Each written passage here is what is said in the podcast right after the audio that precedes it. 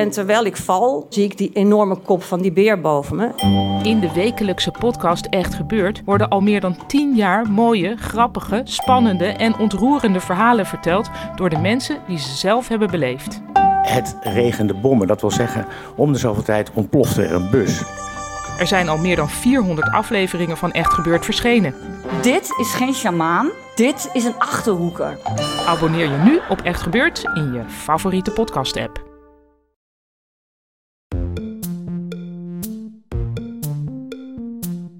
Hallo daar, fijn dat je luistert naar Boeken FM. Heb je een vraag voor ons? Stuur dan een mail naar boekenfm.dasmag.nl. En we zijn ook te vinden op Instagram, boekenfm.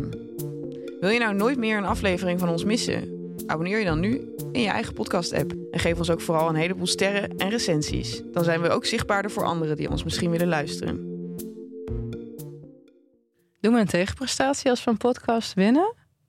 Als we een award winnen. Een award? Ja, want, want weet je... ja, ik, wat is onze tegenprestatie? nou, ik weet dat Tommy Wieringa bijvoorbeeld... die had van tevoren gezegd, met, toen hij genomineerd was met... dit zijn de namen voor de Libris Literatuurprijs... dat hij in de, de gracht zou springen.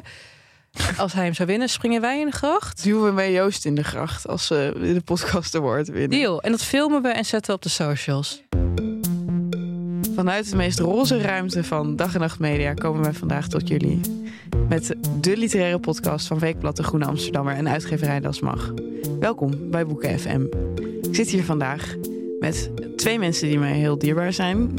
Onze producer Merel Borst. Hallo. En mijn co-host Ellen Dekwiets. Charlotte, jij bent mij ook dierbaar. Wat gezellig. En We zijn gewoon helemaal mannenvrij. We zijn ook Marja vrij. ik, vind, ik- ik vind het even wennen. Alle toxic energy verbannen uit de ruimte. Nou, nou, nou, nou, nou. Nee, grapje. Maar, het- maar ik, ik ben benieuwd. Het gaat een andere dynamiek geven. Dus eh, ik ben benieuwd. En ik wou, in het kader van de andere dynamiek... Ik vind, ik heb jullie vorige aflevering, want dan was ik zelf absent... wegens belangrijke omstandigheden... eh, over Peter Terring kon ik niet meeluisteren. Maar ik wilde wel antwoord geven op de luisteraarsvraag die werd gesteld. Mag dat? Of niet eens op de Was luisteraarsvraag? dat niet een vraag die Van Marja eh, zelf? Marja stelde. Ja, want Marja die wilde weten wie is Taylor Swift. En jullie gaven daar eh, jullie eigen antwoord op. En ik, ik wil eigenlijk... Jullie eigen betekent in deze context heel gebrekkig. Oh shit, maar, moeten we het even opnieuw opnemen? Nee, nee, nee. nee. Eh, maar ik wil hem aanvullen. Want ehm, eh, ik vind Taylor Swift namelijk wel heel erg leuk. Ik heb gewoon, denk ik, ik- ik- het, het valt goed op mijn trommelvlies. En eh, voor de luisteraar die nog nooit van Taylor Swift had gehoord... en er nog iets meer over wil weten... ik moet even nog een paar kleine dingen over haar zeggen. Want ik vind haar persoonlijk misschien wel... en het zijn een aantal, aantal mede-Swift-vrienden van, van mij erg bij me eens... misschien wel de Paul McCartney van de singer-songwriters van deze eeuw Interessant. omdat ze zo'n eh, zo'n breed oeuvre heeft gemaakt. Zoveel fases heeft gehad. Ik vind haar teksten in literair opzicht vind ik goed. Ik gebruik zelfs haar teksten in Olijven moet je leren lezen. Mijn beste bundel over hoe je poëzie kan begrijpen... om bepaalde beeldspraak uit te leggen. Fun fact. Teksten van Taylor Swift worden ehm, bij eerstejaars opleiding literatuurwetenschap in Amerika gebruikt. Voor literaire analyse en literaire technieken. Dat vind ik echt een fun fact. Dat is echt een fun fact, hè? Dat is echt wel een fun fact. Echt een fun fact. Een funny Ik wil wel hierbij zeggen dat Paul McCartney, hoewel hij natuurlijk briljant is, evenals Taylor Swift, ook soms teksten schrijft. Zoals Taylor Swift soms teksten schrijft die als, als vla in je oren aankomen. Ja, eh, hoe- hadden wij het niet een keer over die Christmas tekst? Wat, wat had Paul daar ook weer over gezegd?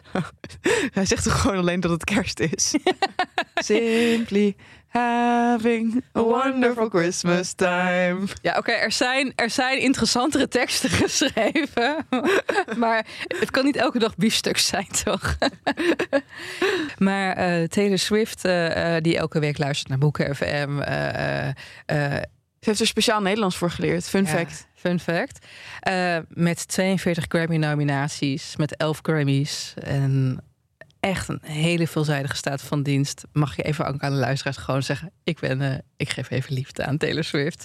Ja, dat Ben mag ook eigenlijk wel. een Swiftie? Ellen? Nou, niet zo erg als een aantal van mijn vrienden. Maar ik heb wel de al- albums Fearless en Reputation helemaal grijs gedraaid. En vanochtend, dat kunnen jullie nu ook raden, lieve luisteraar, wanneer we deze opnemen, is Midnights uitgekomen, haar nieuwe album. En ik ga er echt heel lekker op. Het is heel, ik vind het heel mooi. Sterke teksten, sterke muziek. Ja. Maar dit is misschien ook een beetje van, ik hou van WC Eend, dus ik hoor gewoon met EC, WC Eend. Daarover gesproken. Ik Oh. hou van WC Eend en we spreken over WC Eend. Ja. Lieve luisteraar, ehm, als jullie onze Instagram volgen, hebben jullie het vast al gezien. Maar we hebben echt heel erg leuk nieuws. We zijn namelijk genomineerd voor de Dutch Podcast Awards. zijn de Dutch Podcast Awards? Yay! Dat zijn de allerleukste podcastnominaties en Grammys en eigenlijk gewoon alle prijzen van Nederland in één voor eh, de allerleukste podcast van Nederland, de Dutch Podcast. En als Awards. mensen op ons stemmen, mogen wij dan naar een soort uitreiking? ja, volgens mij is dat wel het idee. Dan gaan we Joost zien snuiven in een baljurk. Of in, Eh. een, of, in een, of in een smoking.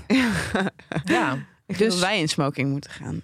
Oh, dat zou ik leuk vinden. Dan gaan we met z'n drietjes. in. Of met z'n viertjes gaan we in smoking. lijkt me te gek. Ja, Ja. dat doen we. Maar kunnen Maar, mensen op ehm, ons stemmen? Mensen kunnen dus op ons stemmen. Wat? Dus Waar? als jullie dat nog niet hebben gedaan, dan zouden we dat echt heel erg leuk vinden. En jullie kunnen op ons stemmen op podcastawards.nl slash stem. En dan moet je even helemaal naar beneden scrollen naar de categorie media, cultuur en entertainment. En dan kun je je stem op ons uitbrengen. En dat kan tot 6 november. Dus wij zouden daar heel blij van worden als je dat wil doen. Doen we een tegenprestatie als we een podcast winnen? Als we een award winnen. Een award? Ja, want, want weet je... ja, ik, wat is onze tegenprestatie? nou, ik weet dat Tommy Wieringa bijvoorbeeld... die had van tevoren gezegd... Met, eh, toen hij genomineerd was met... dit zijn de namen voor de Libes Literatuurprijs... dat hij in de, de gracht zou springen. Als hij hem zou winnen, springen wij in de gracht. Duwen we mee Joost in de gracht als ze de podcast award winnen. Deal. En dat filmen we en zetten we op de socials. Maar die arme jongen, dan krijgt hij tetanus of zo. Ja, dat zou Ja. net zielig zijn. Dat Ja. kan. Ik vind hem nou echt net iemand om een soort grachtziekte op te lo- lopen van, eh, van het vallen in de gracht. Ja, dat hij schil van de gonoreu er weer uitkruipt of zo. Het vertemmen. Nee, weet je wat? Ik spring in de gracht. Ik vind het prima. Ik ben hier Nee, stop. jong en robuust. Ik spring... Oh ja, dat, is- dat is een goed argument. Maar ik spring wel met je mee. Is goed. Wij springen in de gracht. Wij springen... Doe je mee, en ik film het. Oh, ja. Lekker makkelijk natuurlijk Merel. ook nog geregistreerd worden. Ja, hè, want anders is het niet Jezus. gebeurd. Ja, oké. Zullen we het over het boek gaan We hebben? gaan het over het boek hebben. Ja. En het boek dat wij vandaag hebben gekozen is eh, deze week in Nederlandse vertaling verschenen. Eh, het is een essaybundel van eh, de Italiaanse Natalia Ginsburg. Eh, het heet in de Nederlandse vertaling De Kleine Deugden. Ehm, en het is voor het eerst verschenen in de jaren 60. Ik ben nu weer vergeten welk jaar precies. Ik meen 63, maar... Eh, maar het is een collectie essays die lopen van de jaren 40 en de jaren 50 tot aan de jaren 60. Het beslaat in ieder geval een aantal decennia... waarin eh, Natalia Ginsburg haar blik laat schijnen op allerhande onderwerpen. Van vriendschap tot opvoeden tot de kwestie wat geld is... of wat voor een invloed stilte moet innemen in het publieke belang.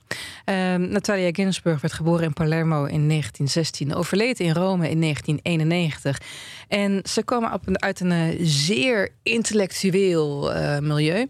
Haar vader was Joods, haar moeder was katholiek. Zij en haar broers werden als atheïsten opgevoed. Maar zij trouwde later wel met de Joodse... Wat was zijn beroep ook alweer? Leone Ginsburg, hij was professor. Professor Ginsburg. Doordat Natalia en Leone zich bij de antifascistische beweging Ja. voegden, werden zij op een gegeven moment in het begin van hun huwelijk verbannen naar eh, ergens ten zuiden van Rome, Ja. in de Abruzzen. Eh, waar ze eigenlijk een soort een aantal hele rare stille bannelingsjaren hebben doorgemaakt. Eh, waarna hij uiteindelijk toch terug naar Rome is gegaan Opgepakt.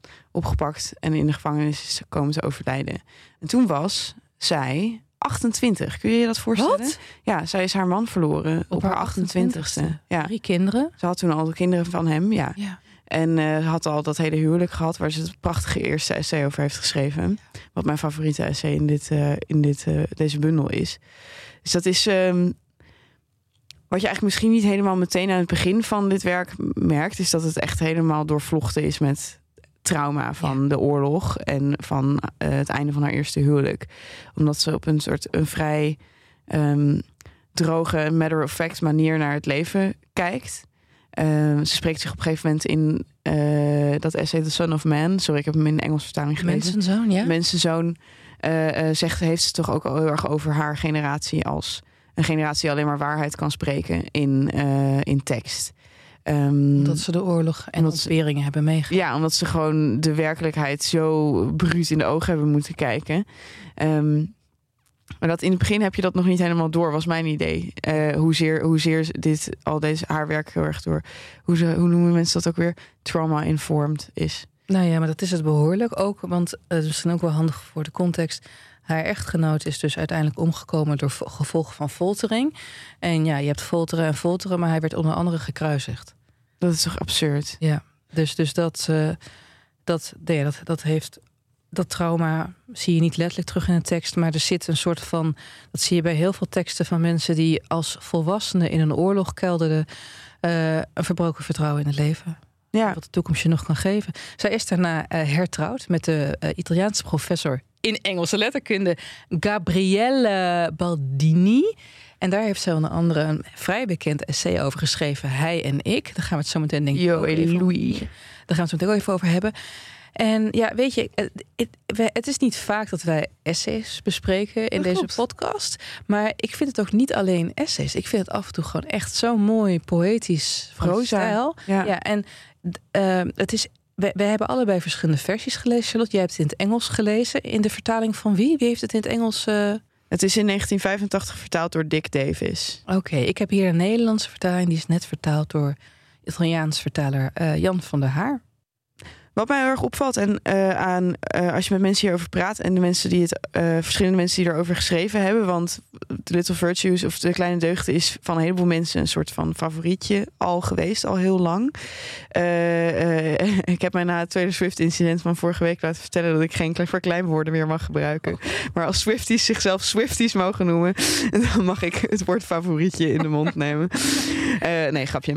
The Little Virtues kreeg ik al va- vaker over te horen dat het zo'n uitzonderlijk werk is. Maar wat mij opvalt aan al die verschillende gesprekken, is dat mensen er echt hele verschillende dingen uithalen. Oh ja? Dus ik las vandaag eh, in de Volkskrant las ik een stuk van Sander Kollaert erover. En die vond haar eigenlijk vindt Ginsberg eigenlijk het sterkst als ze over eh, moederschap en kinderschap, kindertijd schrijft. Mhm. Terwijl eh, in ons voorgesprek jij eigenlijk daar geen woord over hebt gerept. En ik eigenlijk wel een beetje aan het wachten was tot je dat zou doen. Ja. Omdat ik het grappig vond en opvallend dat, eh, eh, eh, en dit heeft misschien met jouw persoonlijke familiegeschiedenis te maken, dat jou de oorlogsdingen Ja. veel meer waren opgevallen dan, dan deze kleine, hè, deze kleine dingetjes. Deze kleine dingetjes, inderdaad. En, eh, eh, en kijk, wat wel zo is, zij beschrijft heel mooi op een gegeven moment in een van de essays hoe intergenerationele dynamiek werkt. Dus dat je als, eh, als kind hoor je je ouders ruzie maken en dan schaam je je voor je ouders. Ja, Als puber denk je, haha, wat een sukkels, mijn ouders dat maken ruzie, zo word ik nooit.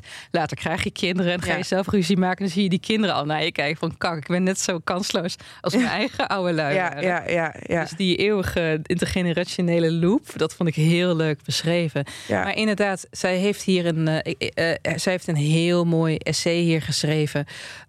ja, over hoe het is om lid te zijn van een oorlogsgeneratie. ja. En, En dat was voor jou, was dat het meest opvallende? Jezus, essay, ja. Dat toch? was echt, dat, dat, nee, dat was een van de essays die eruit sprongen. Ik was ook gewoon, dit is gewoon iets wat je naast het boek Traumasporen van Bessel van der Kolk kan lezen. Ja. Ehm, kijk, ik, ik kan daar een stuk over voorlezen, wat ik zo interessant vind. Vertel.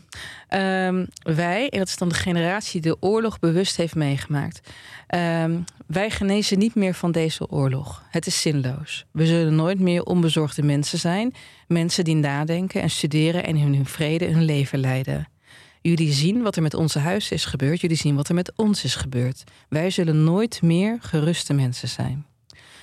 Wij hebben de werkelijkheid van haar droefste kant leren kennen. En dan sla ik even een stuk over, want hier verderop in tekst staat een gedeelte wat best wel van toepassing is op de huidige tijd, die zo gepolariseerd is. Ja. Voor sommige mensen is de oorlog pas begonnen met de oorlog, met de ingestorte Duits Huidsen en de Duitsers. Maar voor anderen is die al veel eerder begonnen, vanaf de eerste jaren van het fascisme. En daardoor is dat gevoel van onveiligheid en voortdurend gevaar nog groter. Ja, dit is hetzelfde. Dit, dit- al- als ik met, met vrienden spreek die islamitische afkomst hebben, die, kijk, de, af, die, de afgelopen jaren is dat allemaal zo onder druk te komen staan. Maar met de oprichting van de PVV voelde zij zich al vanaf dat moment chronisch onveilig in Ja. Nederland. Ja, ja want ik, ik haalde toch echt uit dit boek. eh, ik vond dit passages over de oorlog vond ik het eigenlijk het moeilijkste om te lezen. Niet natuurlijk, het is confronterende materie, dat ten eerste. Eh, eh, en, maar ik vond haar serieus ook echt het sterkst als ze over eh, het leven in het klein schreef. Waarom denk ik misschien Winter in Abruzzo, dat eerste essay, mijn favoriet is. Ehm, Wat gebeurt er in dat essay? Waar heeft Daarin, ze beschrijft eigenlijk haar thuisleven op het moment dat zij daar buiten de stad waar ze vandaan komt, dat is Palermo dus, eh, ehm, met haar gezin woont. En ze daar eigenlijk een heel beperkt bestaan moeten hebben. En ook tussen mensen die zij niet zo goed begrijpt. Dorpelingen die hele andere gewoontes hebben en andere woorden gebruiken. En die eh, het niet normaal vinden om met je kinderen in de sneeuw te gaan. En die andere dingen eten. En ehm, het is een soort, een, het is een beetje een bedroefd en ingetogen eh, essay over ehm, ja, de kleine gewoontes die je dan opbouwt als je opnieuw ergens moet eh, wortel in de grond moet proberen te krijgen. En ehm, toch ervaar je een diepe droefenis terwijl je dat leest, omdat je denkt, ja, zij is, dit is duidelijk een vrouw die niet thuis is.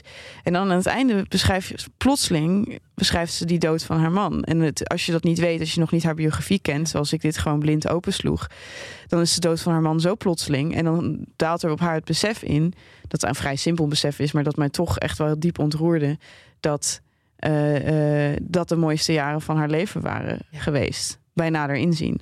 En dat dat dus eigenlijk is hoe je in het leven ste- steeds leeft. Je holt ergens achteraan en het wordt door, door iets ingehaald. Eh, en je hebt beseft eigenlijk veel te laat, altijd achteraf pas, wat de mooiste tijd was. En dat vond ik heel mooi hieraan. Dat vond ik een prachtig essay. En zij weet dus heel klein te beschrijven gewoon hoe die mensen daar zijn. Eh, eh, iemand gaat dood en die andere die maakt de kist. Eh, en als, het, als de sneeuw smelt in de lente, dan eh, zakken bij iedereen de, eh, de daken door. Zodat sommige mensen zelfs onder een opengeklapte paraplu naar bed gaan. En zo van dit soort kleine beelden. Dat, ik weet ja, wat zegt het? Je zou er een soort hele grote boodschap over ballingschap uit kunnen halen. Wat er natuurlijk ook echt in zit. Maar veel meer dan dat heeft ze het over de tastbare details van een leven. Dus jij bewondert ook echt haar observatie. Daar hou ik heel erg van. Ja. Ja, dat vind Ja. ik mooi. Uh, Ze, ze, he- ze heeft ook, ik vind het heel leuk hoe ze die dorpelingen daar eh, weer beschrijft. Het, af en toe is er ook best wel hard en grappig in. Eenmaal in het betreffende dorp leken me de eerste tijd alle koppen hetzelfde. Alle vrouwen leken op elkaar, rijk en arm, jong en oud. Bijna allemaal waren ze tandeloos. Daar verliezen de vrouwen op hun dertigste hun gebit. Ja. En dan verderop. Ze noemen mijn man de professor, omdat ze zijn naam niet konden uitspreken. Ja. En ze kwamen van heinde en ver om hem over de meest uiteenlopen zaken te raadplegen. Over de beste tijd om je tanden te laten trekken. Over subsidies van de gemeente en over belastingen en heffingen. En er zit ook een soort ontroering. Ja, ze is in. natuurlijk een beetje arrogant. Het is een, het is een elite meisje. Ja. Ehm, eh, en toen ik besefte hoe jong ze was toen zich dit allemaal afspeelde, vond ik dat ook al wel, wel extra wrang of zo. Dat je zo uit je leven wordt geplukt. Maar, oh ja, ik wilde jou eigenlijk iets vragen over, ehm, over wat Jan Posma in zijn introductie van de Nederlandse Ja. versie heeft geschreven. Eh, want ik heb wel de Nederlandse versie even ingekeken. Ehm, hij beweert daar eigenlijk dat eh, deze essays niet geheel autobiografisch gelezen dienen te worden. En hij noemt hij en ik een essay dat verderop over haar tweede man gaat eh, als voorbeeld. Want hij zegt van ja, dat gaat ogenschijnlijk over Natalia en haar tweede man. Maar je moet het lezen als een essay over het huwelijk in het algemeen. Eh, ook al gaat het de hele schrijft ze in de ik-vorm en is het. Ja, ik vroeg me af wat je daarvan vond. Want het is een. Want het essay Hij en ik, moet ik maar even van tevoren vertellen. eh, eh, is een opsomming van alle verschillen tussen Natalia en haar tweede man. Eh, en dat gaat heel specifiek en persoonlijk over. zij kan nooit de namen van acteurs onthouden. Hij weigert ooit op een landkaart te kijken. Allemaal dat soort dingen. Die dus over specifiek hun huwelijk gaan. En ik vroeg me af wat jij bevond van die bewering van Jan Ja. Posma. Eh, dat je dit o- moet lezen als een essay. En dat je het daarom ook echt een essay moet noemen. En niet een, eh, een, een persoonlijk verhaal. Of zo. En weet je, er is natuurlijk in de letteren eh, is er de neiging om stukken tekst die door vrouwen zijn gemaakt, of dat nou essays zijn of poëzie of romans, om dat vaker autobiografisch te duiden, Ja. wanneer het van een man afkomstig was. Ja. Eh, ja, weet je, Eh, ik ben het met hem eens. Je moet het sowieso uh, duiden. Wat, wat, boeit het dat het echt gebeurd is? Het gaat erom dat het waarachtig is, wat iets heel anders is. Ja. het is wel zo dat juist het essay Hij en ik, dat ik ook als ik toen ik online, weet je, hier een beetje onderzoek net, heel veel mensen vinden het een fantastisch essay. Ja. ja, ik twijfelde een beetje erover. Oh, dat vind ik interessant. Vertel. Nou, het begint, het begint met dit. Hè. Hij heeft het altijd warm, ik altijd koud. Zomers, als het echt warm is, klaagt hij steen en been dat hij het zo warm heeft. Hij kan een paar talen goed spreken. Ik spreek er niet één goed. Nou, en dit gaat maar door. Het is één lange enumeratio een tijd lang van hoe zij verschillen. Ik kreeg op een gegeven moment zo'n Acta en een Munnik vibe. Weet je, van het lied de kapitein, weet je wel. Je weet eigenlijk nooit waar precies waar je aan toe bent. Of dat nummer van Jeroen van der Boom. Jij bent zo. Ik, kan, uh, ik moest een beetje denken aan uh, Annie Hall. Dat zij op een gegeven moment uit elkaar gaan in Annie Hall. Ja. Eh, de gelijknamige film. En, en uh, dan moeten ze de boeken verdelen. En dan zegt hij van, oh, ik weet niet eens hoe ik deze boeken moet verdelen. Waarom ga je in godsnaam bij me weg? We kunnen de boeken niet eens verdelen. En dan zegt zij, wel, ik kan heus wel de boeken verdelen. Die van mij gaan over poëzie en die van jou gaan allemaal over dood en doodgaan. Oh, ja. dat, dat, is mijn hele collectie. I love that. maar wat ik heel. Kijk, het einde van dit essay vind ik heel vind ik mooi. Maar tegelijkertijd, ik heb het wel vaker gelezen. Kijk, want lieve luisteraar, op een gegeven moment hoor je ook dat dit best wel een toxische relatie is. Weet je, hij maakt ook grapjes ten koste van haar. Zij ook ten koste van hem. Zij ook ten koste van hem. Het is gewoon. Ja, ik moest een beetje aan de griezels denken van Roald Daal, weet je wel. En zo vrees ik meer dan ooit bij alles wat ik doe in de fout te gaan. Dat zegt zij dan over zichzelf, omdat hij haar overal pakt. Maar als ik eenmaal ontdek dat hij in de fout gaat, krijgt hij dat eindeloos te horen.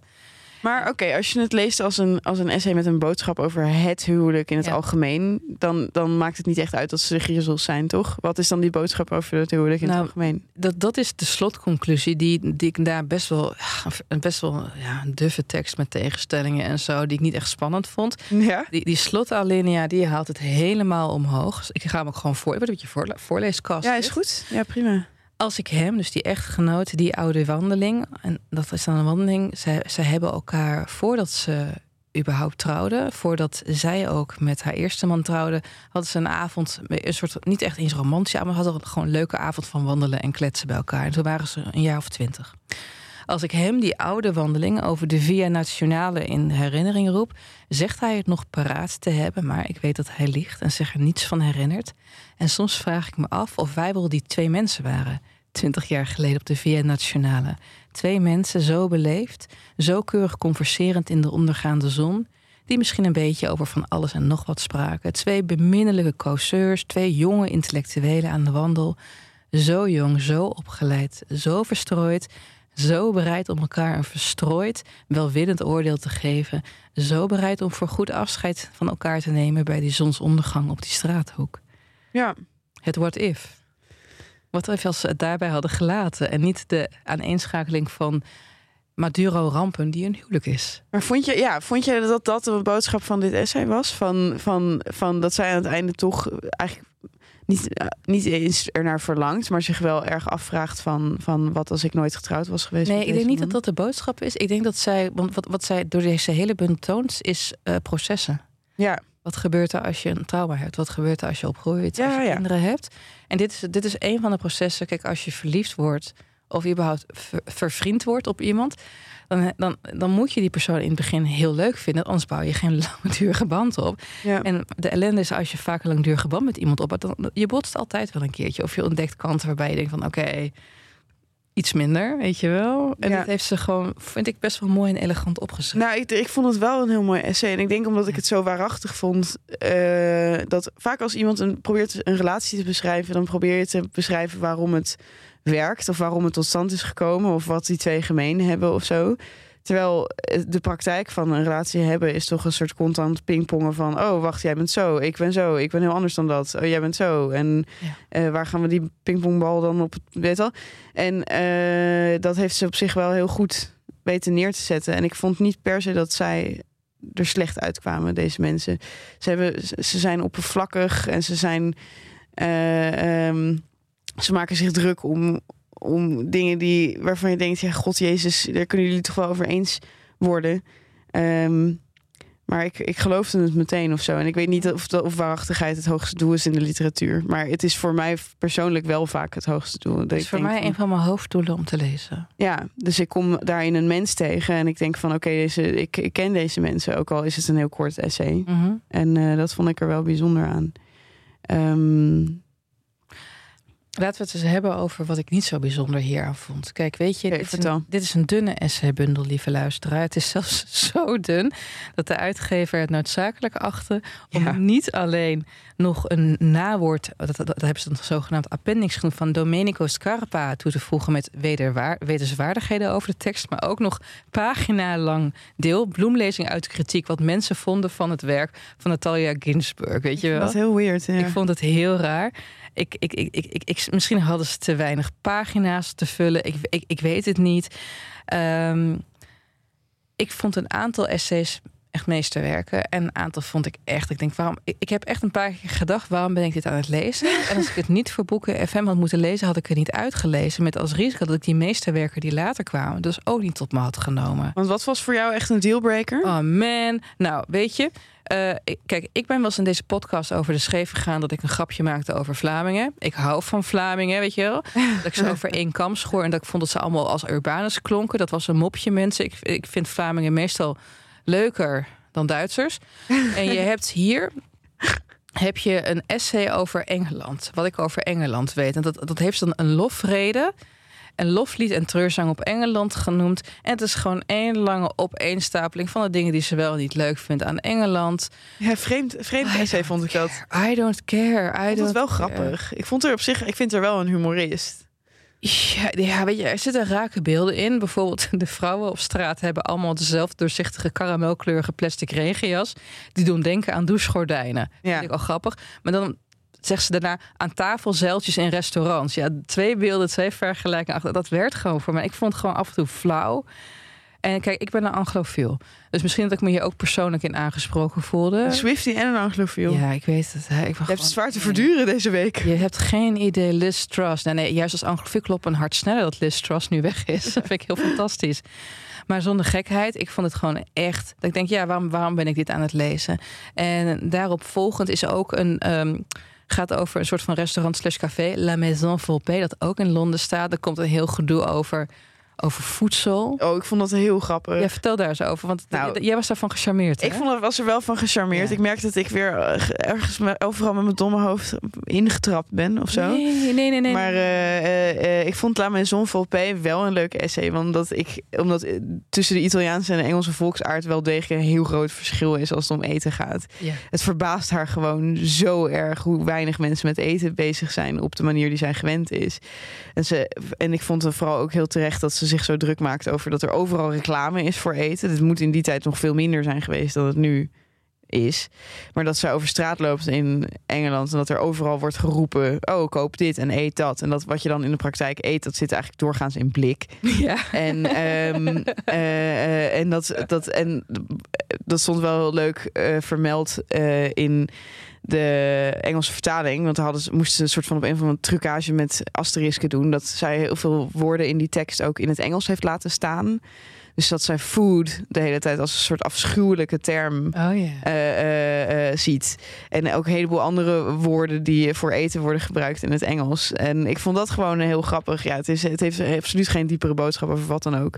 Maar ehm cultuurverschillen doen het bij mij altijd heel goed, denk ik. Ja, ze schrijft verder ook, dat vond ik een interessant essay, dat, dat heet Mijn vak. En het gaat over schrijven. Hoe moet je schrijven? En dat begint met dat ze eerst dichter wilde worden. En eh, zelf vond dat ze hele goede gedichten schreef. Maar dat bij nader inzien, dat haar broers die lachten haar de kei helemaal uit. Ik moest aan jou denken toen ik dit las. En ik, Omdat mijn broers me uitlachen. nee, eh, nee, omdat, jij, omdat ik me aannam op een of andere manier dat jij ook al jong ging dichten. Ja. En eh, ik vroeg me af of jij je herkende in die beschrijving. Want oké, hoe het dan bij haar gaat, is ze heeft eerst een soort onbezonnen kunstenaarschap. Waarbij ze eigenlijk verliefd wordt op het dichten en haar eigen werken heel goed vindt. En dan pas als ze er te veel over na gaat denken in de puberteit, dan, eh, dan gaat ze weer een soort krampachtige, moeilijke verhalen schrijven. Maar ik, ik, vroeg me af of jij ook zo'n fase hebt gehad in je leven dat je soort van vrijuit kon schrijven en het heel mooi vond zelf ook. Eh, ja, dat kan ik nog steeds.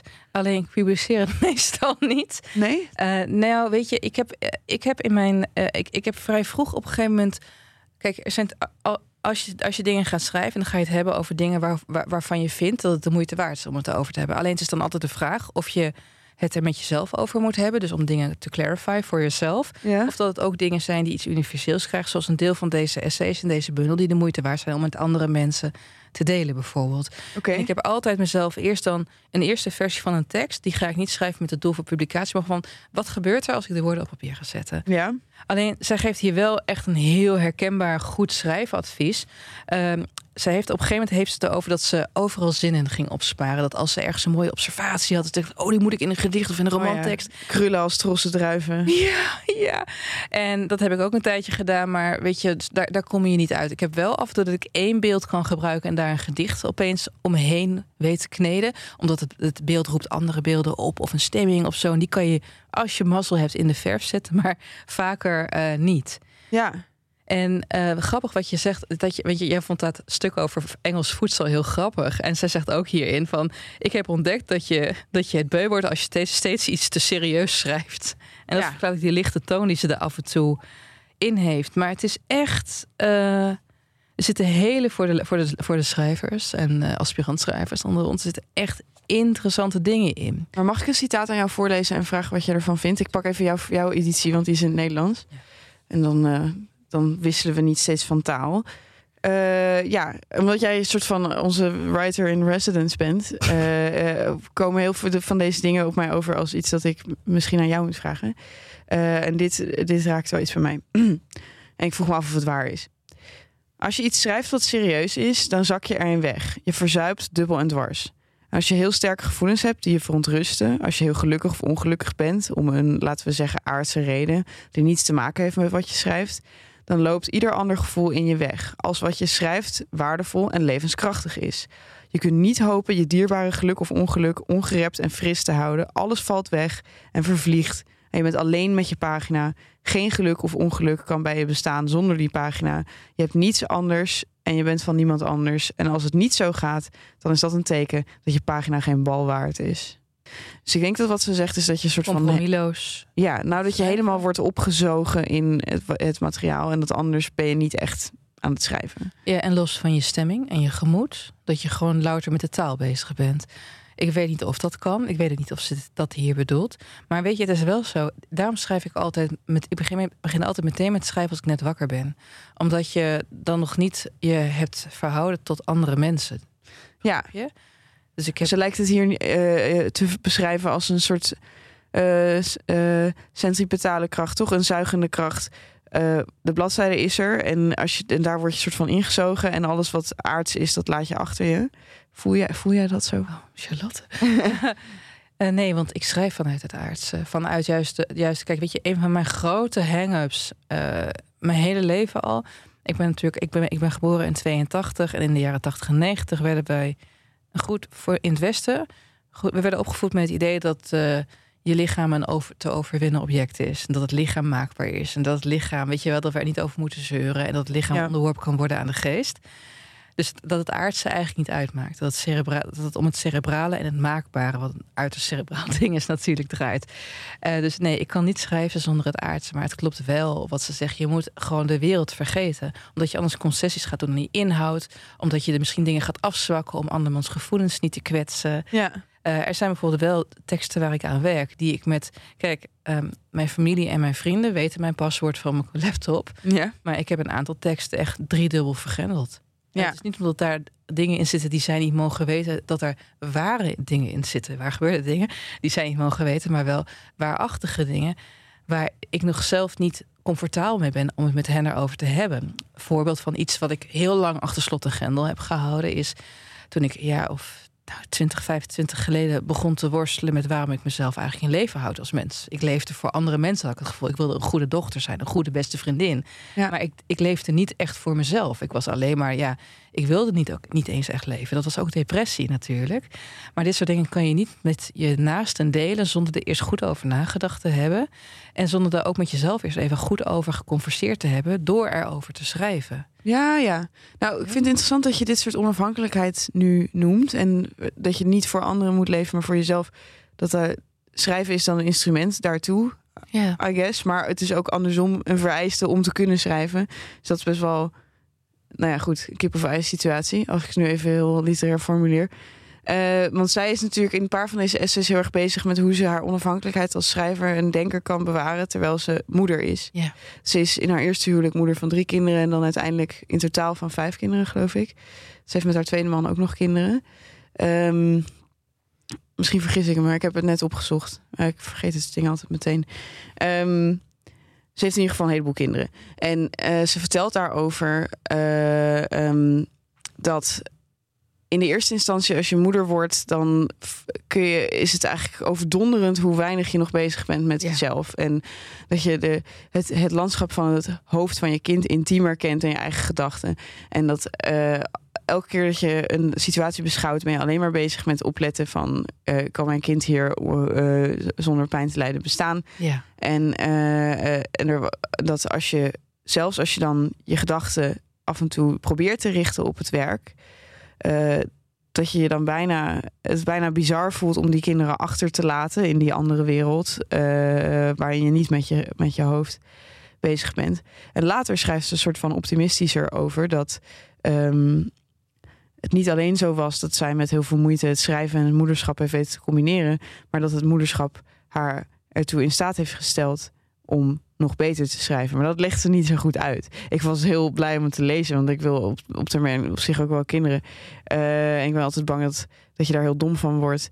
En een heleboel schrijfsters hebben zich ook heel erg over deze vraag gebogen. Wat kun je nog wel creëren als je leeft voor een ander? Want dat ben je natuurlijk per definitie als ouder. Niet, niet dat mannelijke schrijvers zich daar heel druk over maken, maar die vader zijn. Ehm, goed, waar wilde ik heen?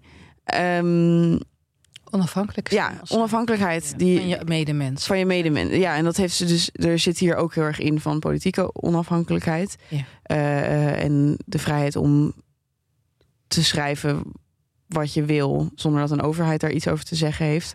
Dat, daar schreef Jan Posma in zijn voorwoord ook over. Dat dat echt een van de dingen was waar zij en Leone echt voor streden. Eh, de vrijheid van, eh, van pers en van meningsuiting. Ehm, maar ook dit soort, deze kleine, deze kleine vorm van verzet, namelijk tegen de eh, alles overwoekerende eh, kracht van dat gezinsleven. Ehm, wat ik heel, een heel mooi moment vond, is dat in het verhaal over eh, kapotte schoenen. Ze heeft een verhaal over een vriendschap die zij heeft met een soort net iets vrijere vriendin. met wie ze een tijdje samen in Rome een appartementje heeft. Ehm, of met wie ze tegelijk in Rome woont. Een tijdje terwijl haar kinderen en bij haar moeder op het platteland eh, zijn. Dus eventjes proeft ze van die onafhankelijkheid die ze heeft opgegeven toen ze moeder werd. En dan beschrijft ze die, eh, dat die vriendin eigenlijk de vrijheid heeft om het hele leven af en toe uit handen te laten vallen. Een wens die Natalia ook wel koestert. Om eventjes gewoon of je elke avond klem te zuipen of je bed niet uit te komen. eh, of eh, om te ku- kunnen wegzakken in een soort van nietsige staat. En dat kan Natalia niet. Want die kinderen die wachten op haar. Eh, en ehm, dat verschil vond ik zo interessant. En ik, ik wilde, wilde eigenlijk meer antwoorden van haar. Ik dacht van ja, maar oké, is die vriendin van jou, is die dan beter in staat om kunst te maken dan jij? En ben je dan niet jaloers op haar? En Mag ik, daar, mag ik daar iets over zeggen? Over Ja. moederschap. Want Ik heb zelf geen kinderen. Dat, eh, ehm, maar wat ik weet van vrienden, vrouwelijke schrijvers die kinderen hebben gekregen, dat het de eerste paar jaar echt een gevecht is om tijd te vinden. Omdat je toch als vrouw, zeggen zij dan, hè, geneigd bent om de man dingen uit handen te nemen, omdat hij dan net iets onhandiger het sokje aantrekken of zo. En ze kunnen ook niet lacteren, schijnbaar, mannen, weet je wel. Ik twijfel. ja, als ze een beetje beter hun best zouden doen, vast wel. En, eh, maar wat ik van mannelijke schrijvende vrienden weet, die kinderen krijgen, die, die, die, die zijn opeens ook heel goed, net zoals trouwens die vrouwelijke vrienden, in hun tijd indelen. Want opeens moet je dat ene uur gaan pakken, Ja. dat je oudste niet meer in de peuterpuberteit zit en je jongste eindelijk tukt. Dus je wordt er veel efficiënter van.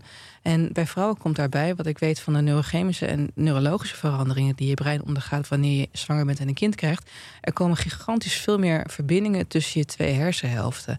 Nou ja, ik kan me niet indenken dat het geen invloed gaat hebben op je gedachtegoed, de kwaliteit van denken. ja, Dus ja, je zou gewoon draagmoeder moeten worden, Charlotte. Dat is mijn antwoord. gewoon om daarachter te ja, komen. ja. Ja, ja, goed. Het fascineerde mij gewoon omdat eh, eh, eh, in veel van de recensies en ook in die, die, die dingen die achterin jouw versie Ja. van het boek staan, komt er, over. komt er aan bod dat zij vrouw is en dat Ja. zij bij uitstek zo vrouwelijk zou schrijven. Dikke onzin, want ze schrijft als Ernest Hemingway, weet je wel? Ja, ze schrijft super sober. Als we dan vrouwelijkheid als soort van fluffy gaan, gaan zien, dan is dat helemaal niet hoe zij schrijft. Maar ze schrijft wel strakke stijl. Ze wordt gewoon geframed. Nou, het feit is dat ze over eten en over baby's schrijft heel af en toe. En dat dat, dat, dat dan misschien haar als vrouw zou neerzetten in de literatuur. En dat vond ik gewoon. ehm, ja, ik, voel, ik vroeg me gewoon af van: is dit dan vrouwenliteratuur? Want zo wordt het wel heel erg beschreven. Nee. En eh, ik sprak iemand erover die het eh, eh, eigenlijk een probleem vond. Dat de Nederlandse vertaling is gedaan door een man die ouder is dan Natalia was toen ze dit schreef. En die dus ook bovendien een, man is. Mhm. En diegene die ik daarover sprak, die zei van hadden ze dat niet beter door een jonge vrouw kunnen laten doen? Oh, grappig. Dus het is een beetje hetzelfde probleem als Amanda Gorman... die niet door Marieke Lucas Reineveld vertaald mag worden... Ja. omdat Marieke Lucas wit is. Ja, maar diegene, ik weet niet. Het ging niet per se om, geloof ik, eh, eh, dat het niet zou mogen, politiek ge- gezien. Maar eerder van dat, dat, dat er iets eh, uitzonderlijk vrouwelijks in de toon zou zitten. Dat je er alleen uitpakt als je dan ook zelf vrouw bent. En ik vroeg me gewoon af of dat zo is. Of dat er gewoon een beschouwing over moederschap in zit. En dat het dan daarom een vrouwenboek is. Ja, weet je, kijk...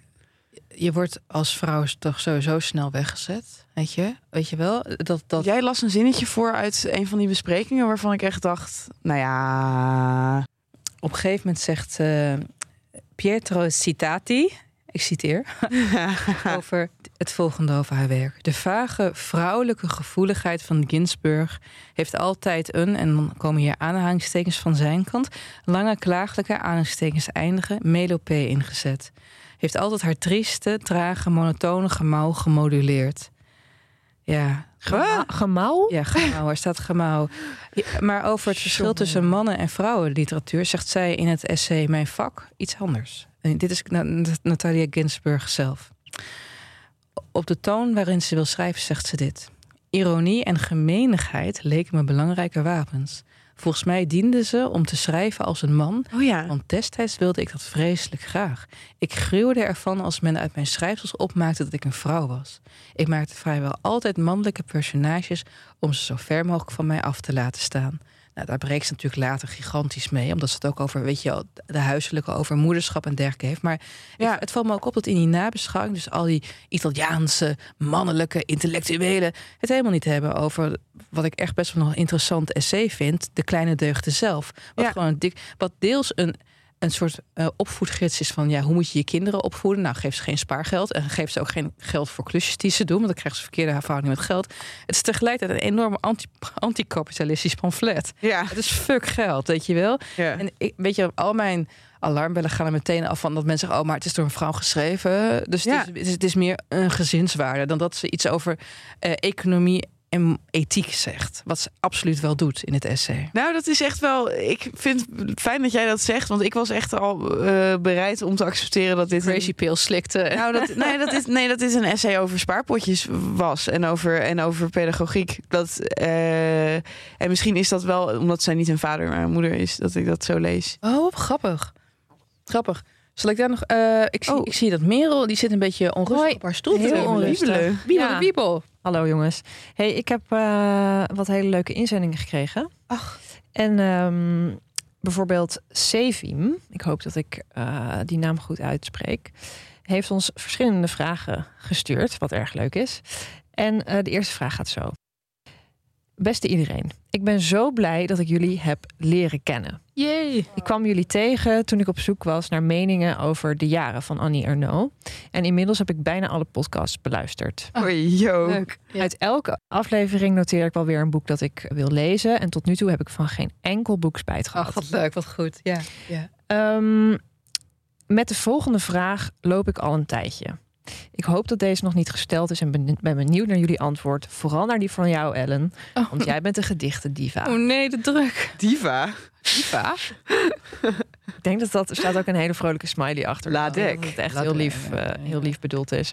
Welke andere taal zouden jullie willen leren spreken, puur om, het, om een gedicht in de originele tekst te kunnen lezen? En welk gedicht is dat dan? Ik hou zelf heel veel van Nazim Hikmet. En heb zijn Oh ja. gedichten in het Ja. origineel, Turks, Ja. en andere talen gelezen.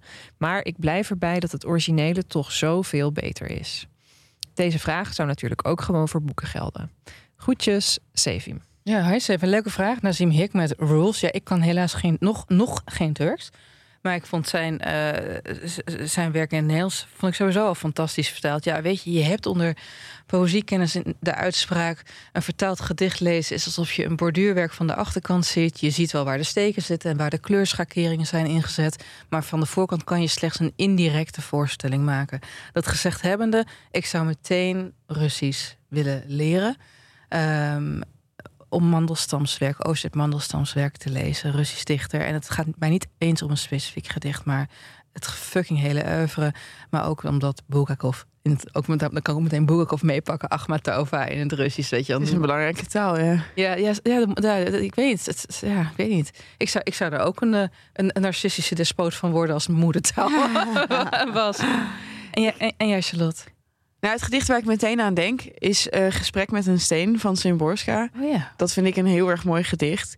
Eh, dat heb ik alleen maar in het Nederlands gelezen. Ik, het, dat is in, oorspronkelijk in het Pools geschreven. Dat eh, is een taal die, waarvan ik maar één woord weet. Hm. En dat is het eh Uwaga. dat staat op de. Als je, Oké, in bepaalde delen van Nederland wonen zoveel Polen dat de bordjes op de grond in de supermarkt, voor als het daar nat is, Ja. daar staat dan gewoon ook op in het Pools dat je moet oppassen. Dus dat is het enige woord dat ik ken in het Pools. Ehm, maar dat is niet genoeg om een gesprek met een steen te kunnen lezen. Dus dat, eh, ik zou wel Pools le- willen leren dan. Leuk. Het is wel echt een kei moeilijk. maar Ik heb, ik heb familie en een aangetrouwde familie in die Pools zijn. Ik heb een half jaar bij mijn eh, achternicht gewoond eh, toen ik studeerde en een kamernoot was. En die leerde net haar dochtertje Pools. En ik kon redelijk meekomen met het leren van zelfstandig naamwoorden en werkwoorden. Maar er zitten 10 miljard vervoegingen in. Ik was echt zag schil van Oh, wat ellende op een jammer. gegeven moment. Ja. Nee, maar je, je, je hebt gymnasium gedaan. Ja, dat Dus je klopt. kan wel iets met vervoegingen, dacht ik zo. Dat kan ik denk ik wel. Misschien, Toch? misschien. Toch? Laat mijn Latijnleraar het niet horen, maar ik ben wel een groot deel vergeten. Waren er nog meer vragen? Ja, we hebben nog een andere vraag van Sevim.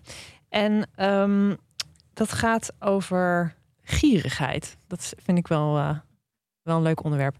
Eh, beste Ellen en Charlotte. Alleen aan ons? Nee, en Joost. Maar Joost is er vandaag niet. Dus hij is gierig. Oh, wat een voorspellende gave van... eh, Echt hè? waren wij de vrekken, hè? Dat kan natuurlijk ook. ja. Nou, jullie zijn altijd zo gul met jullie boekadviezen. Na elke podcast noteer ik deze weer om ze vervolgens te lezen. Ik ben jullie hier dan ook zeer dankbaar voor. Want door jullie heb ik veel nieuwe schrijvers, boeken en verhalen leren kennen. Het is echt de ideale luisteraar. Dit. Ja, I love this, ja. Ik heb een vraag hierover. Zijn jullie ook wel eens gierig met boeken? Dus dat je bijvoorbeeld een heel mooi boek hebt, maar dat je het absoluut niet met iemand wilt delen. En het boek echt voor jezelf houdt. Heel veel liefs, een enthousiaste luisteraar en fan. Jee. Nou, maar dan moeten we nu in de verleden tijd gaan spreken. Want ja, we gaan het natuurlijk niet hebben nu, toch, Charlotte?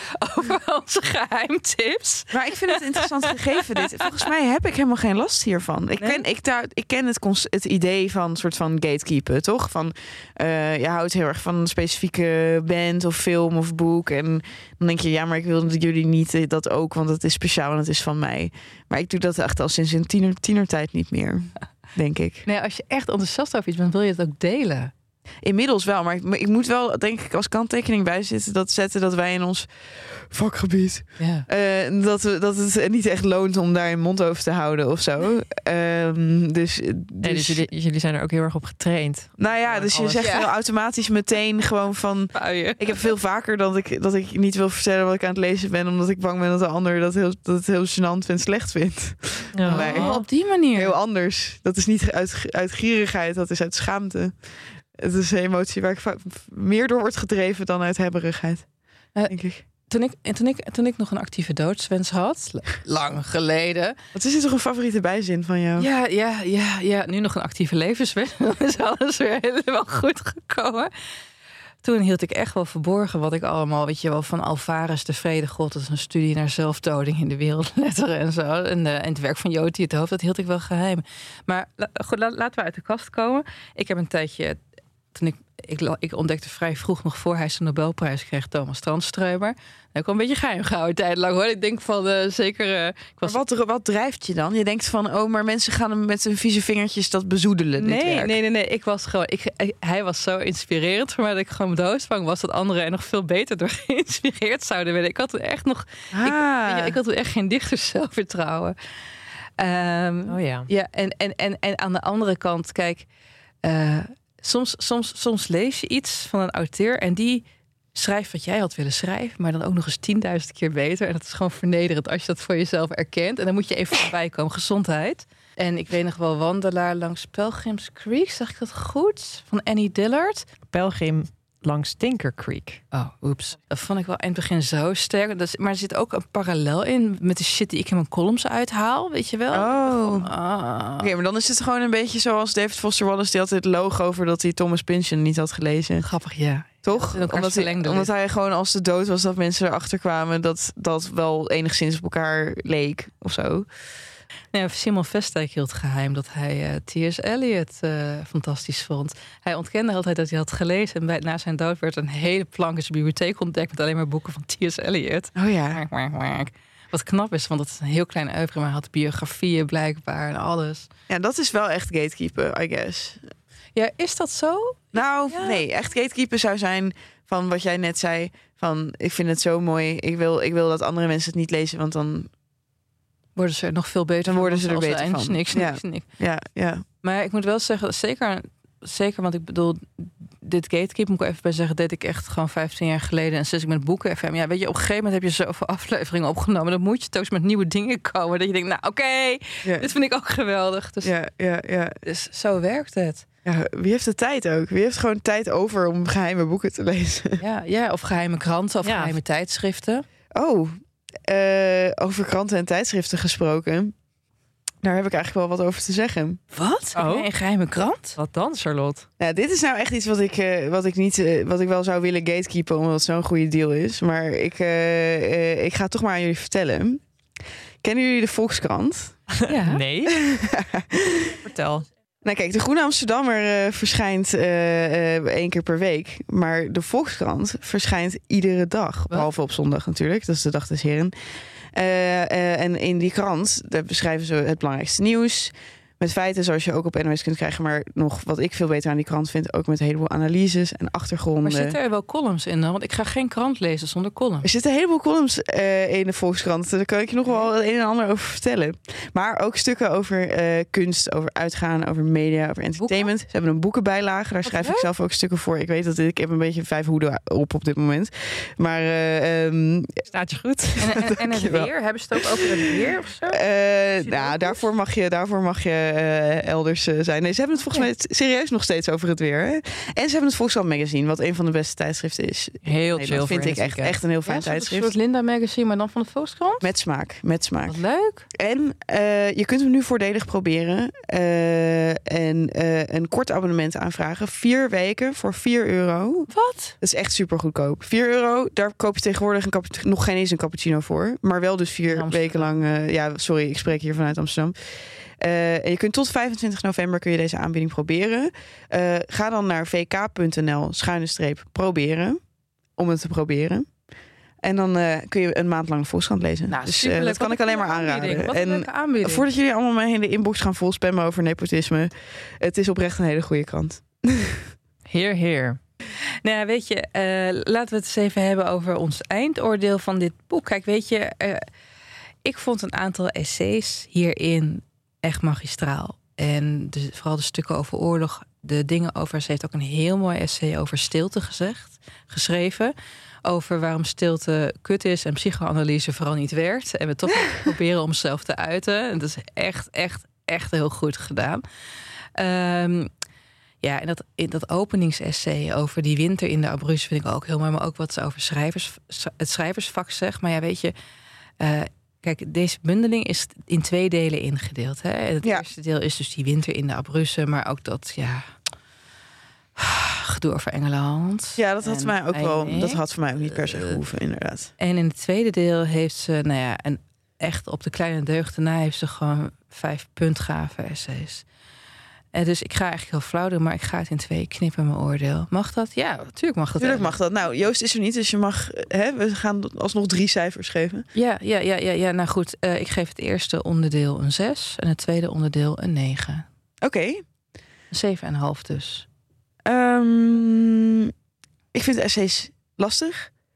Uh, ik vond deze zeldzaam helder. ik vond helemaal niet dat er. Het voelde helemaal niet alsof er. Uh, wat is het? 70 jaar overheen is gegaan. Uh, sinds deze zijn geschreven. Of zelfs 80 jaar. Um, ik had echt het gevoel dat ik in gesprek was met een jonge vrouw die een heleboel van dezelfde vragen heeft als ik heb. Ook al heeft zij veel meer meegemaakt. Uh, oorlog en rouw en al die dingen. En um, ik denk dat als het nu was geschreven, dat ik er echt heel verbaasd over zou zijn. Dat, dat, dat iemand van uh, dat, dat iemand zo helder dingen weet te formuleren die al vrij universeel en tijdloos zijn. Mm -hmm. En om er dan achter te komen dat het inderdaad van lang geleden is. Ik was er gewoon diep van onder de indruk. En ik was heel erg geraakt door uh, inderdaad dat eerste essay. Ook door de kleine deugden. Daar hebben we het hele mooie laatste uh, alinea niet van voorgelezen. Maar die moet je maar zelf gaan lezen. Um, ik denk dat ik het, omdat ik sommige essays toch moeilijk vond, toch een 8 ga geven. Toch een 8? Nou, ja. dan komen we afgrond op een 7,8 uit voor Natalia Ginsburg. Het is een bescheiden cijfer. Ja. Tenminste, vanuit mijn positie. Ik geef altijd overal 9 10 voor. Uh, maar ik vond het heel erg mooi om te lezen. Ja, er zaten echt fantastische essays in. En de tweede helft is wat mij betreft die 9 die ik het gaf meer, dan, dan waard. waard. Dus... En, uh, nou, bedankt Ellen dat jij op deze zeldzame onderbezette uh, middag met mij wilde praten over de kleine deugden. Charlotte, dankjewel. Dankjewel dat je mij wilde aanhoren. En Merel, dankjewel. Ja, ik heb weer met veel plezier naar jullie geluisterd. En wij naar jou. We zijn zo blij dat je er bent. Oh, en dan nu tenslotte ook bedankt aan de Groene Amsterdammer, Dasmag en Dag en Nacht Media. En grootste, allergrootste bedankje naar jullie, de luisteraars. Bedankt dat je er weer was. Voor jullie doen we het. Tot over twee weken. Doei. En ik zei nou wel tot over twee weken, maar er is een hele kleine verandering in de programmering. De volgende aflevering krijgen jullie niet op woensdag, maar op de vrijdag daarna. Dus je moet nog even twee dagen langer je adem inhouden. Maar die aflevering, er zit wel een kleine of zelfs grote verrassing voor jullie in. Jee!